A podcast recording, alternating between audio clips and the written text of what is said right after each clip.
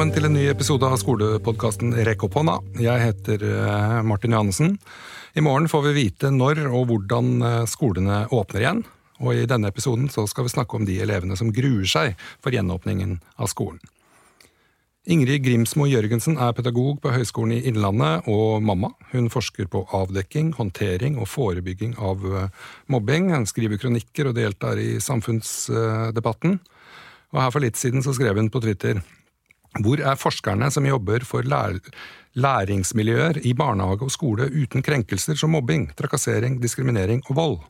Nå er det helt sikkert mange elever som gruer seg til gjenåpningen. Trygt og godt læringsmiljø må settes på agendaen.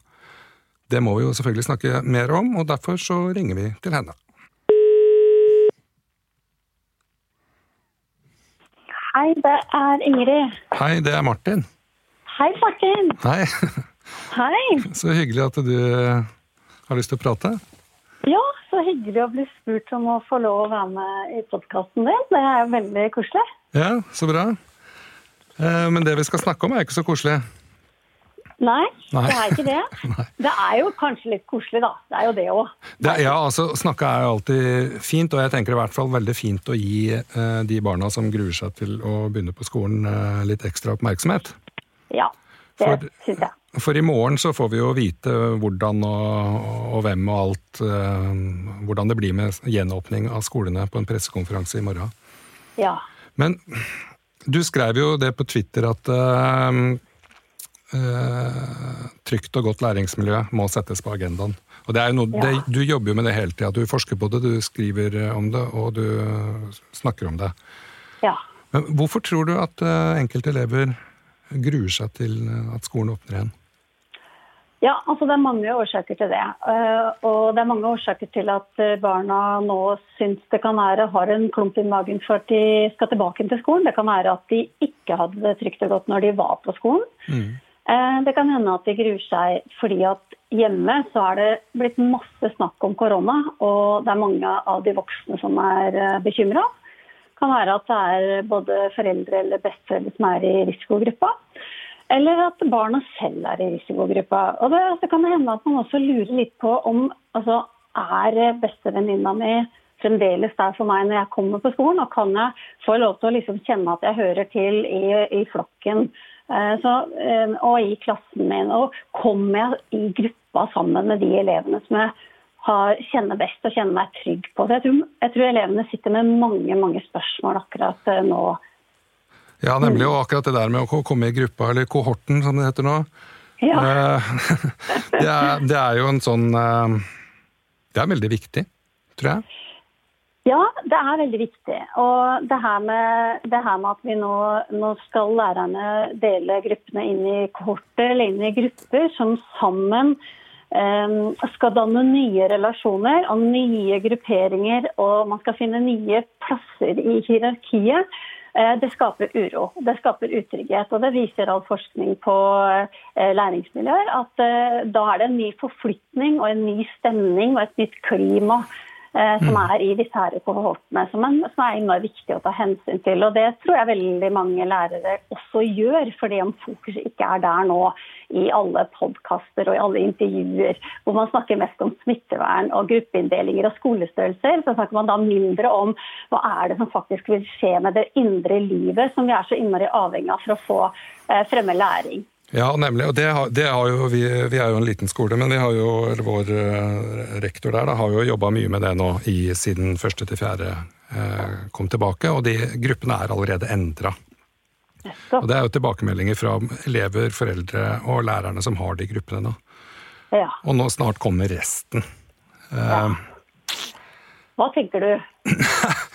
ja, veit du hva, jeg tenker at det kommer til å bli skikkelig vanskelig. Ja. Og jeg, jeg tenker også det, det, litt det du sa, det der om er vennene mine der eh, når jeg kommer tilbake. Eh, hvordan den nye gruppa ser ut. Det er liksom på en måte å begynne på en ny skole på samme skole. Ja.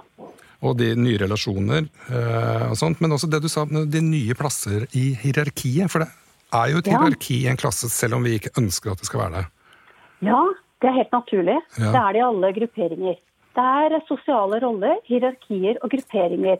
For det om vi voksne ønsker at det ikke skal være det, fra barna blir født og kommer inn i barnehagen, og når de går ut og er russ, eller også kommer inn i høyskole- og universitetssektoren, så er det, tenker vi at liksom disse grupperingene de, skal, de vil vi på en måte ikke legge merke til eller tenke på. Og, eh, og noen ganger så blir det jo det de kaller negative gruppedynamikker, som skaper utrygghet, og som igjen kan skape krenkelser og mobbing eller utenforskap. Da.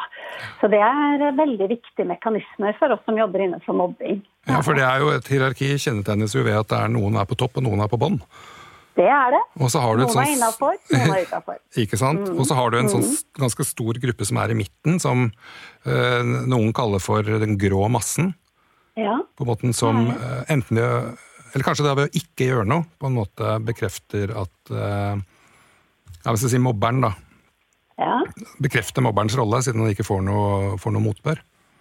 Ja, altså Nå er ikke jeg noe glad i å bruke begreper som mobber eller mobbeoffer. fordi at jeg tenker at eh, mobbing det er, en, eh, det er, en, det er noe som skjer i en Det er en sosial, sterk eh, sosial gruppemekanisme. Eh, og hvor det er barn som har ulike roller. De kan gå ut og inn av det som på en måte innafor denne gruppedynamikken eh, når det gjelder hvorvidt de krenker andre eller ikke. Ja. Eh, og det avhenger litt om de føler på trygghet eller utrygghet eh, på liksom plasseringen sin i hierarkiet.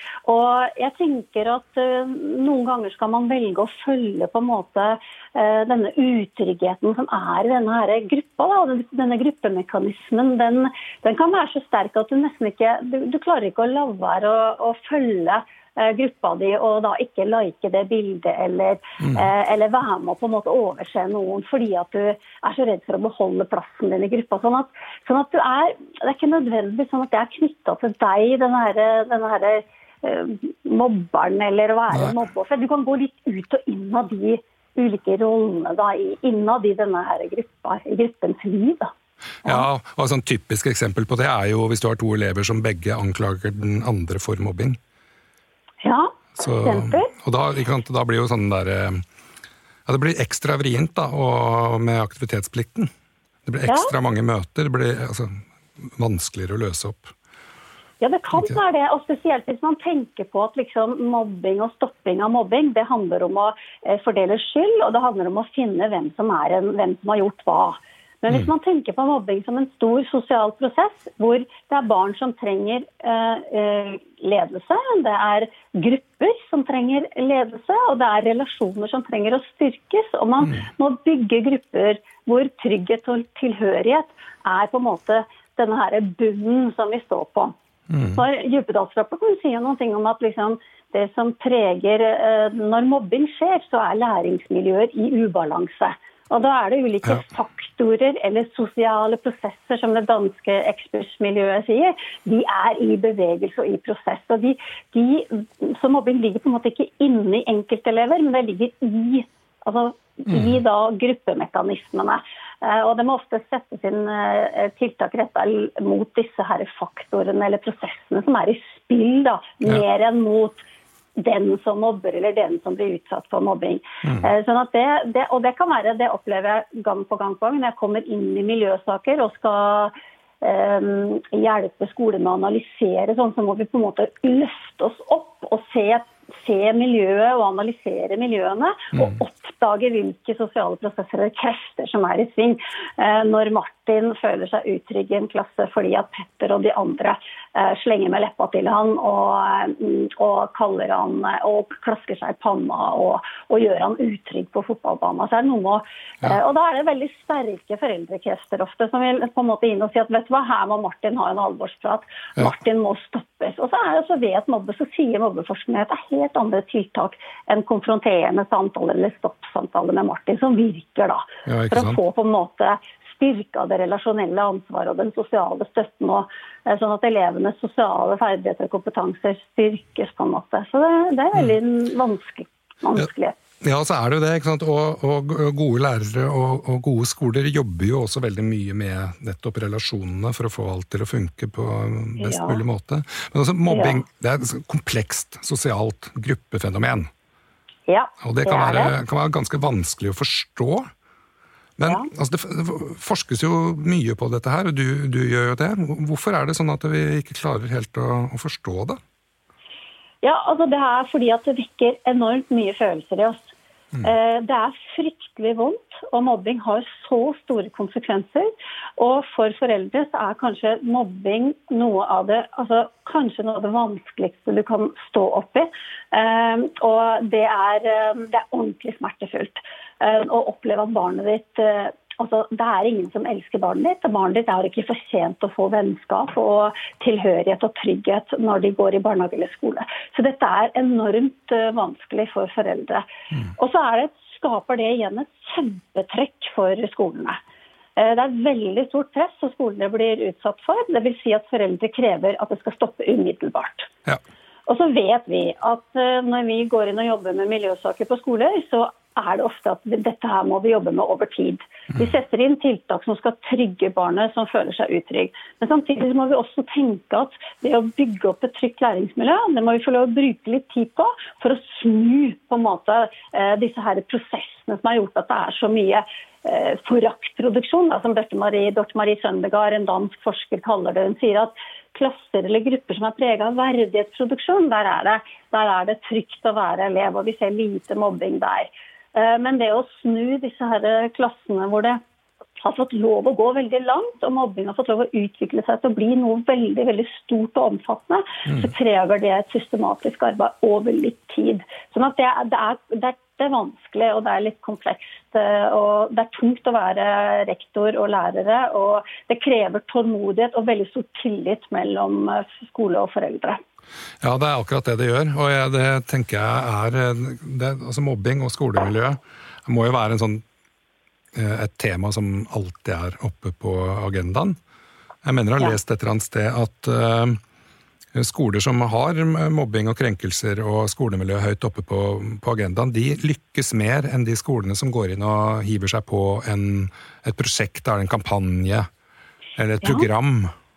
Det har du helt rett i det er noe med dette, dette her at liksom de skolene som jobber med å styrke vennskap og sosiale relasjoner, og jobber med å forebygge uh, mobbing på en måte at, uh, hvor det på en måte er inkludert i undervisningen, det som vi kaller fellesskapende didaktikk, eller gjennom det å kontinuerlig ha fokus på samarbeid og trygge relasjoner, hver eneste dag og skape rutiner og ha trygge regler. Og læreren som dette her er vennlig gnagsåret, som Inger Bergkasse sier, som er mm. leder for eh, læringsmiljøteamet i Oslo, eh, så er det noe med å bygge på en måte opp da disse her styrke dette gyldige vi-et hver eneste time, hver eneste dag. Og på de skolene som får til det, og kontinuerlig jobbe eh, med, mot mobbing på denne måten her, de klarer også å forebygge mobbing godt, og de klarer også å håndtere mobbing eh, mm. veldig godt. Så det, du har helt rett. Mm. Så godt å høre at jeg har rett. Ja. Yes. Men eh, du har også skrevet et sted at årsak til, mobbing oppstår, eh, til at mobbing oppstår, finner vi som oftest i miljøet. Uh, og Det har du jo fortalt mye om nå. Men hva, er det noe vi kan se etter? Ja, altså det, det vi kan se etter, er um, hvordan, er, hvordan er klimaet i klassen nå? Og så er det For å få vite hvordan elever har det, så må vi få inn elevstemmen. Og Vi vet at 40% av elever forteller ikke til oss voksne hvordan de har det på skolen. Det sier bl.a. Ja. den store elevundersøkelsen. Ja. Og så har vi klødd oss litt i huet og tenkt at hvordan skal vi få inn og få vite om disse elevene? Vi må liksom ta tempen på elevene. og da er det dette med nære, trygge relasjoner, hvor elever hele tida kjenner at de har en lærer de kan gå til og snakke med. Mm. Uh, og når jeg snakker med elever, så sier de det er så vanskelig å snakke om mobbing med, med lærere. Så spør jeg ja, hvorfor det? Så sier de nei, for det er så fragmentert. En gang så ble jeg dratt i hestehalen i gangen. En annen mm. gang så ble jeg dytta. Tredje gang er det en gutt som tar meg på rumpa. Og så er det noen som på en måte stenger meg litt ute eller slenger eller sukker når jeg kommer inn og setter meg ved siden av dem i kantina.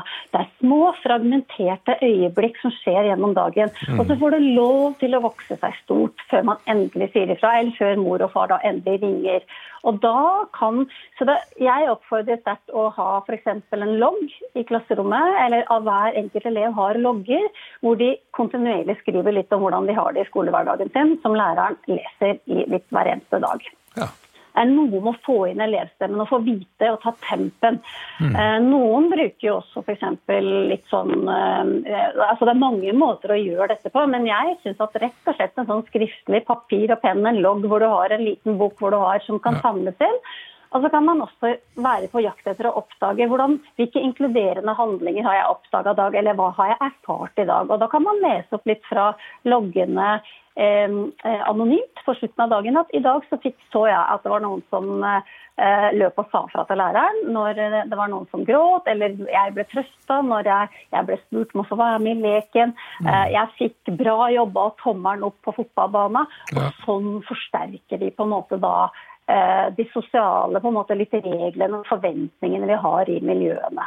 Mm. Så jeg er litt opptatt av den der daglige, være sånn tett på å finne disse nøklene. Og der kan man jo spørre elevene hvordan tenker dere at vi kan få vite hvordan dere har det i skolehverdagen deres. Hva syns dere er ålreit, liksom? Mm. Mm. Lurt. Det skal jeg foreslå. Ja. Eh, jeg tenkte på litt mer om de eh, barna som, eh, som gruer seg. Altså, de kan jo grue seg av andre grunner enn at det blir utestengt og sånt. Du lista jo opp litt her til å begynne med. Ja.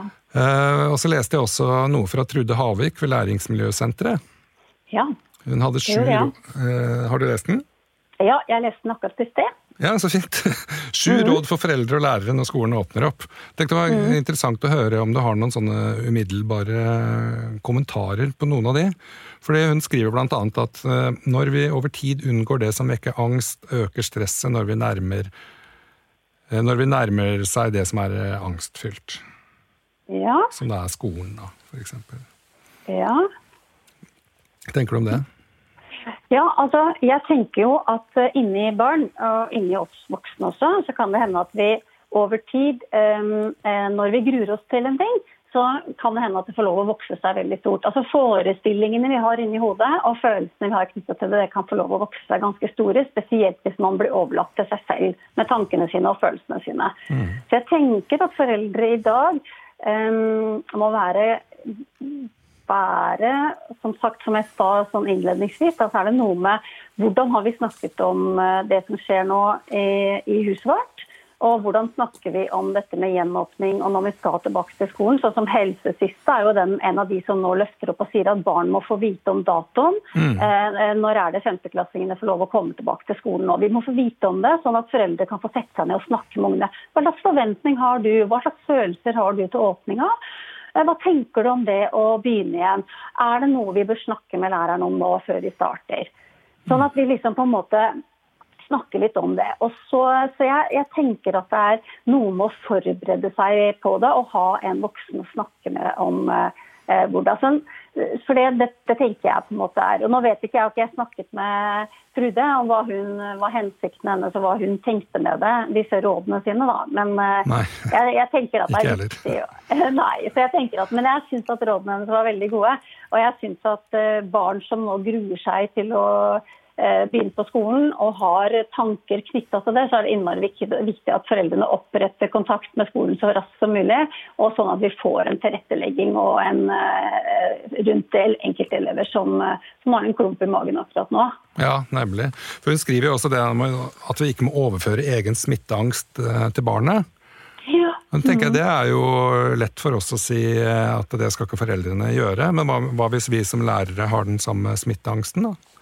Ja, jeg tenker at det er mange som går rundt med ja, om vi skal kalle det smitteangst, eller om vi skal kalle det sånn utrygghet i forhold til liksom dette, denne koronasmitten nå. Det tror jeg alle gjør. Og jeg har jo også skrevet en kronikk for ikke så lenge siden som handler om eh, nettopp disse her foreldrene som møtte hverandre inne på Facebook-gruppene, og hvor angsten fikk virkelig lov å blomstre. Ja. eh, og vi, hvor vi på en måte virkelig får lov til å å kjenne på at uh, hvor vi støtter hverandre i denne angsten, da, i stedet for å si noen ting, stikke fingeren litt i jorda og si noen ting om at ok, hvem er det vi skal stole på? Uh, og hvordan skal jeg håndtere min egen uro, indre uro og utrygghet? Og hvordan skal jeg snakke med barna og gjøre det all, og tilpasse informasjonen om hvordan vi snakker om det til barn. Så barn har ører og ører og ører og store og hører på en måte alt det vi voksne Eh, sier og, og, vår forståelse av situasjonen. Så det er viktig å ha litt tanker om eh, hvordan er det jeg kommuniserer uh, rundt, uh, rundt, dette her. Ja, det, Jeg syns det er kjempeviktig. Eh, fordi det er jo veldig mye usikkerhet. Mm. Det eneste som er helt sikkert, på en måte, er at vi ikke vet alt. Ja. Og vi er ikke er... sikre på hvordan det skal gå, men de, man må anta at det er noen som kan mer om smittevern enn meg, i hvert fall, som har tatt disse bestemmelsene og sier nå åpner det opp igjen, for det, det kommer det til å skje. Ja, det gjør det. Og det å sikre liksom, barna ditt og elevens trygghet, det er jeg 100% sikker på at eh, alle lærere og barnehagelærere og alle ansatte i skole og barnehage gjør nå. Mm. Og dermed er det all grunn til at vi voksne kan trygge barn om at det er helt fint å gå tilbake til barnehage og skole. Eh, og at du kommer til å ha det veldig bra der. Og, eh, og at vi skal passe på deg. Det ja. tror jeg er voksnes sånn viktigste rolle nå. Så får vi voksne snakke alene om vår egen angst eller vår egen utrygghet med en annen voksen. Det tror jeg er litt viktig. Mm. Tenkte bare ta helt på slutten her at uh, det er jo de elevene som uh, altså Hva gjør det når skolen vekker angst uh, hos barnet? Altså mm. på en måte skolen som er problemet, da, og nå har elevene fått fri fra det stresset. Ja. Og så må de tilbake igjen. Ja. Og det er Jeg er veldig bekymra for dem. Jeg er eh, bekymra for barn som eh, nå er, er eh, har nå på en måte kjent at de har hatt fri. De har sluppet samvær med klassen sin, mm. og de har kjent på trygghet i det å få lov å sitte på sitt eget rom. Og mange av dem har jobba faktisk mye bedre. De har hatt bedre resultater. På, og det har jo vært barn eller ungdom som fungerer godt. Eh, og som er veldig selvgående. Og så er det jo barn som da ikke har et trygt og godt skolemiljø, som også kjenner at de har hatt det tryggere hjemme, fordi at de også har fått et veldig solid opplegg fra læreren sin. Kanskje en enda mer Og egentlig har ført en veldig sterk tilknytning og tilhørighet til klassen sin, for nå har alle det likt. Mm. Eh, og så er det jo de elevene som også nå da eh, opplever et utrygt skolemiljø i form av krenkelser og mobbing, som også har hatt det bedre hjemme og gruer seg veldig og lurer litt på hvordan det skal være å komme tilbake. Og jeg syns nå at lærere skal ta en liten runde på å hente inn elevstemmen og eh, sende ut en eh, liten sånn Og få snakket med hver enkelt elev i forkant og, og, og lodde litt stemninga. Hva trenger du av meg? Hva trenger du for å ha det trygt i klassen nå? Og hva er det du tenker eller bekymrer deg for før du nå skal sette i gang? Og eh, er det noe spesielt vi voksne eller jeg som voksen nå kan gjøre for å trygge deg i klasserommet? Hva, det, hva har du behov for? Det tror jeg er lurt for å få tatt tid til å, å ta inn elevstemmen også nå før de da kommer tilbake på skolen. Superlurt, sier jeg. Superlurt. Eh, det skal jeg også bringe videre. ja, så bra. Jepp. Ja. Men eh, jeg tenker vi bare runder av der med et, en stor oppfordring til å snakke med elevene ja. i forkant. Eh, høre ja. hva, de, hva, de, trenger for å ha, en trygg, eh, ha det trygt når de kommer tilbake på skolen. Ja. ja. Mm. Kjempefint. Så sier jeg tusen takk til Ingrid Grimsmo Jørgensen. Høgskolen i Innlandet, det er der? Ja, det er det. Bra. Og du fortsetter å forske sånn at vi kan eh, finne ut hvordan vi skal jobbe enda bedre med dette her fremover. Ja, jeg gleder meg. Ja, Herlig. Takk for praten, Martin. Takk for praten. Ok, ha det. Ha det. Takk for at du hørte på Rekk opp hånda. Nå finner du faktisk over 100 episoder i katalogen. Mange kloke skolefolk snakker om alt som har med skolen å gjøre. Vask henda, bruk antibac, hold avstand, pass på kohorten din, og pass ekstra godt på de elevene som gruer seg til å begynne når skolene åpner igjen. Vi er straks klar med en ny episode.